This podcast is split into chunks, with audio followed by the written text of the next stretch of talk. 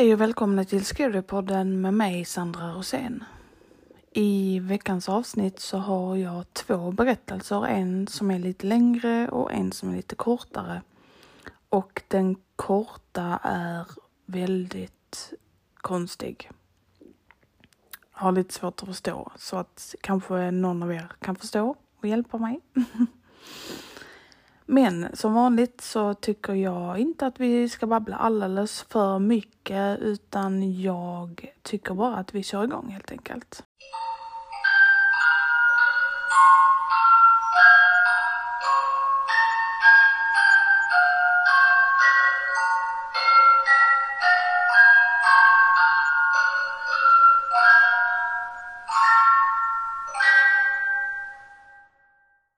Detta hände för några år sedan. Jag var 23 år då. Jag hade precis fått mitt drömjobb som litteraturlärare och gift mig med min livskärlek, Roy.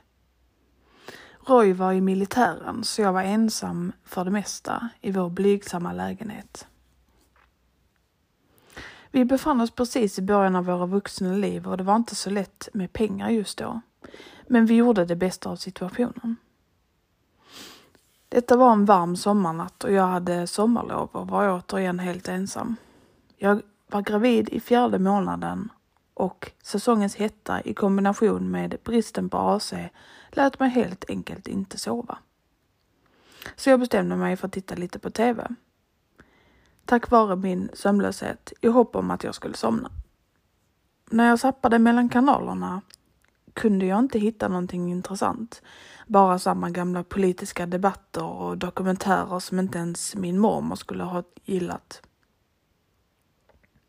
Klockan var ungefär 2.30 på morgonen när jag hittade en lo lokal kanal som jag aldrig hade sett förut. Hmm, en ny kanal, tänkte jag. Jag hoppas att de inte tar betalt för denna. Kanalen hade ett mycket trevligt Gissa vad priset är-program som troligtvis var kopierat från ett större företag eller kanal. Inte särskilt originellt, men det var underhållande i alla fall. Jag kunde fortfarande inte sova och plötsligt fick jag ett så kallat gravidcraving så jag bestämde mig för att gå ut i köket för att göra popcorn. Inte ens två minuter efter att jag lämnat mitt rum så hörde jag ett konstigt ljud komma från tvn. Jag lämnade popcornen för att kolla vad det var som lät. Det var en så kallad Amber alert.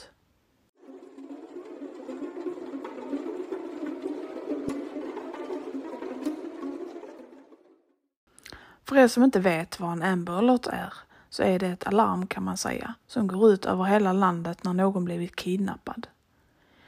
Ni kan googla så får ni reda på mer.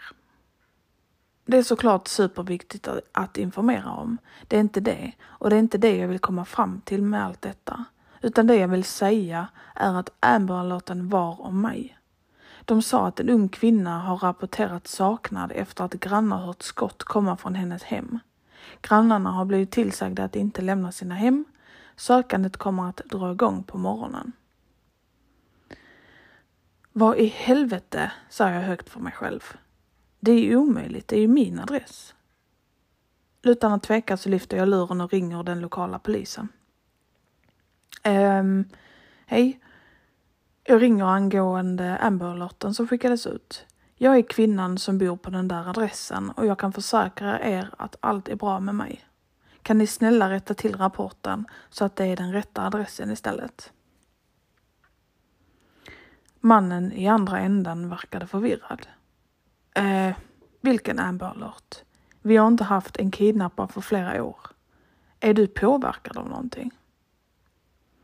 Jag menar allvar, jag såg det precis på TV. Det är väldigt oprofessionellt av dig att ens fråga mig något sånt. Vi har ingen aning om vad du pratar om. Stanna inomhus, vi skickar en bil till dig. Och snälla, var kvar i telefonen. Vid det här laget var jag väldigt frustrerad. Klockan var nästan tre på morgonen och jag var övertygad om att den lokala polisen oprofessionella sätt var det som orsakade all min ångest. Det avfyrades inga skott. Det var ingen som hade försvunnit i mitt grannskap och min adress som publicerades på direktsänd TV var bara ett bevis på deras oduglighet.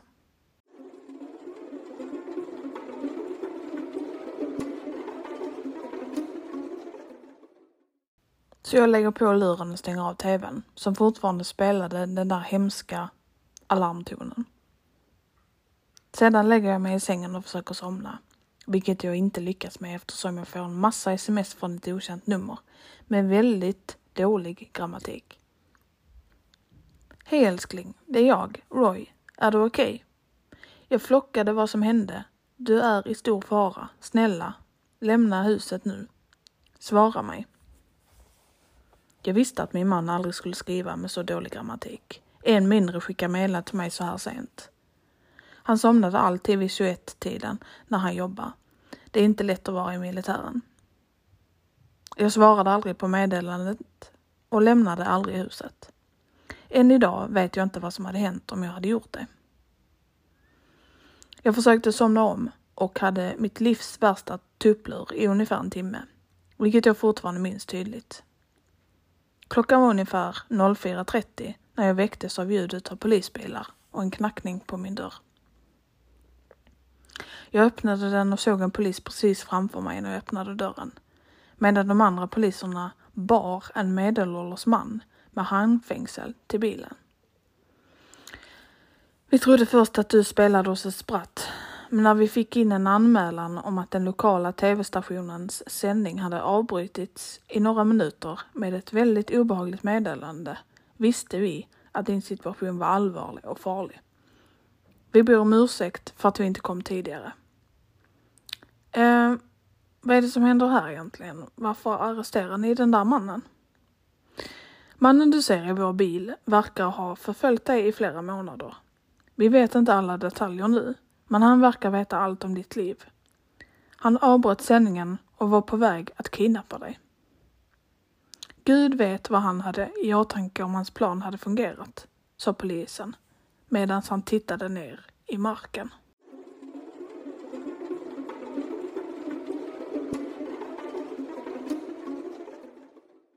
Polisen stannade inte mycket längre efter det, men de åkte inte iväg innan de gav mig ett gäng bilder på mig och min familj som stalkern personligen hade tagit och hade på sig. En kort tid senare flyttade jag tillbaka till mina föräldrar och sålde lägenheten. Min man blev helt förskräckt när jag berättade vad som hade hänt och han kom hem två veckor tidigare än vad han egentligen skulle. Tillsammans flyttade vi till Europa och lever nu ett mycket lyckligare liv med vår dotter som är sju år. När det gäller bilderna så vågade jag inte titta på dem förrän för några dagar sedan. Det var en hel del foto kan jag säga. När jag stod ute och pratade med mina grannar, när jag gick från jobbet och kommer tillbaka hem. Där finns också bilder på eh, mig och min man i vårt sovrum, väldigt intima. Men det läskigaste av allt var ett foto daterat den 21 juli 2015 dagen då detta inträffade. Det var ett foto av dålig kvalitet av telefonen som han använde när han låtsades vara min man, när han satt utanför min dörr. Än idag så ser jag till att kolla tre gånger innan jag öppnar dörren. Jag tittar aldrig på TV så sent längre.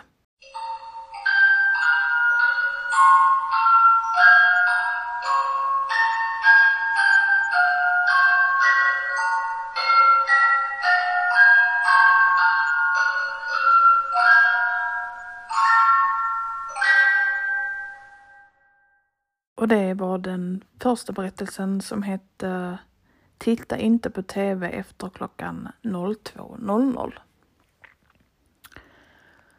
Eh, jag vill ha med denna historien för att jag tycker nog att detta är nog de läskigaste sakerna som finns när man blir stakad Eh, I detta fallet så verkar det ju vara av en helt främmande person, vilket är nog det läskigaste som finns.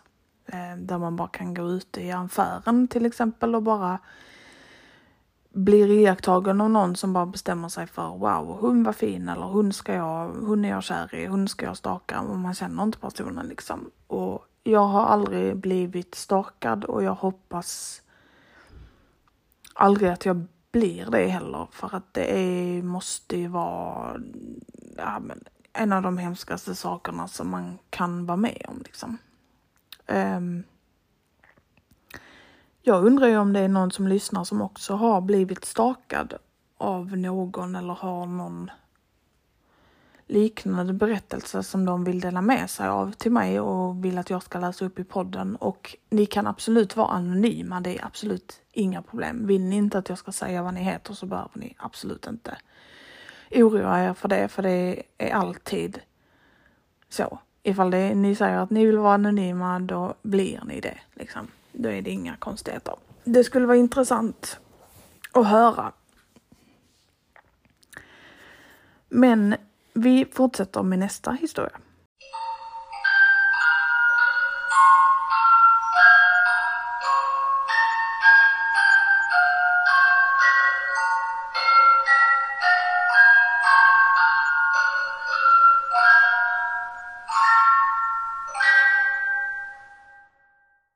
Så, jag ska försöka hålla mig kort.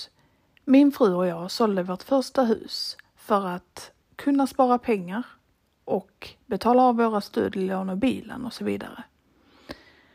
Och efter att vi hyrt till ett vansinnigt pris varje månad i ungefär ett års tid så bestämde vi oss för att vi ville köpa igen. Vi hittade ett gammalt hus i den äldre delen av stan. Och när jag säger att det var gammalt hus, då menar jag gammalt. Huset byggdes år 1883, vilket gör det 140 år nästa år. Det var en enplans, den hade tre sovrum och ett badrum. Vi var de enda som budade på huset, vilket med tanke på marknaden just nu var väldigt svårt att tro, men oavsett så var huset vårt. Så jag, min fru och våran dotter flyttade in. Huset var fyllt med kors och eftersom vi inte var kristna så tog jag bara ner dem alla. Först var det vad det var, ett gammalt hus som kommer med problem. Men det var inget som vi inte kunde hantera. Det var inte förrän vi hittade dörren till källaren som allt förändrades. Källaren hade handgrävits ut med gjuten cement och heltäckningsmatta. Den delades upp i två sektioner som var åtskilda av en vägg och en dörr. Den delen med heltäckningsmattan var vad jag kallade presentationsredo. Det är den du skulle visa upp för någon som kommer över. Här fanns det plats för förvaring. Bakom dörren däremot var det ett helt annan atmosfär. Kala betonggolv, texter på väggarna och dåligt uppsatta väggskivor.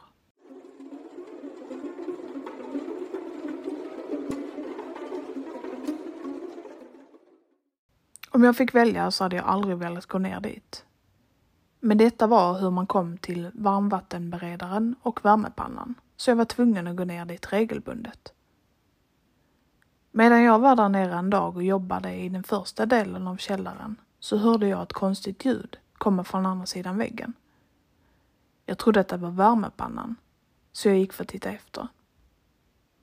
När jag gick in i det andra rummet så gick jag förbi den konstiga skriften på väggarna och när jag var på väg till pannan så lade jag märke till något konstigt. Där fanns en liten dörr inbyggd i väggen.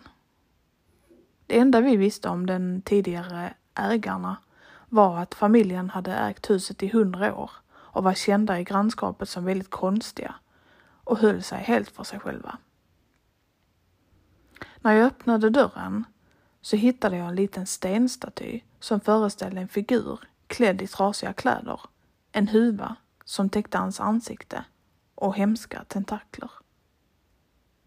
Nu hörde jag ljudet igen och jag tappade statyn av chock och det gick sönder i flera bitar över hela golvet. Det låg också ett gäng gamla gulnade papper och böcker där inne. Men jag ville inte röra någonting mer. Så jag gick bara ut och upp till ovanvåningen igen.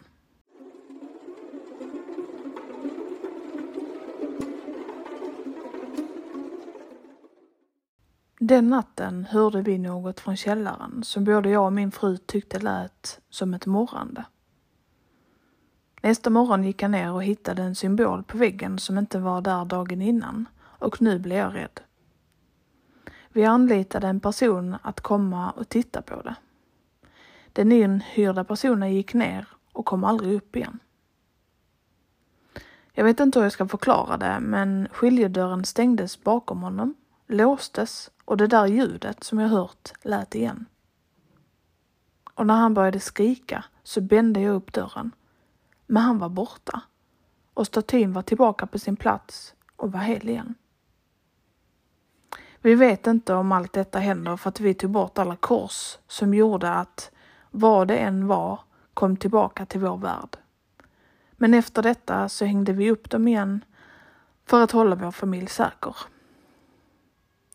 Jag skickar ner offergåvor till det där, där nere var det än är och de, det lämnar oss i fred. Jag har tagit med mig statyn till ovanvåningen och jag har läst böckerna. Jag vet vad symbolen är och jag vet vem statyn föreställer. Men jag kan inte skriva det här.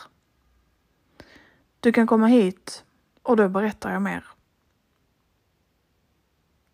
Men det måste vara på natten, när stjärnorna står rätt. Men först, jag är nyfiken. Har du sett den gula skylten?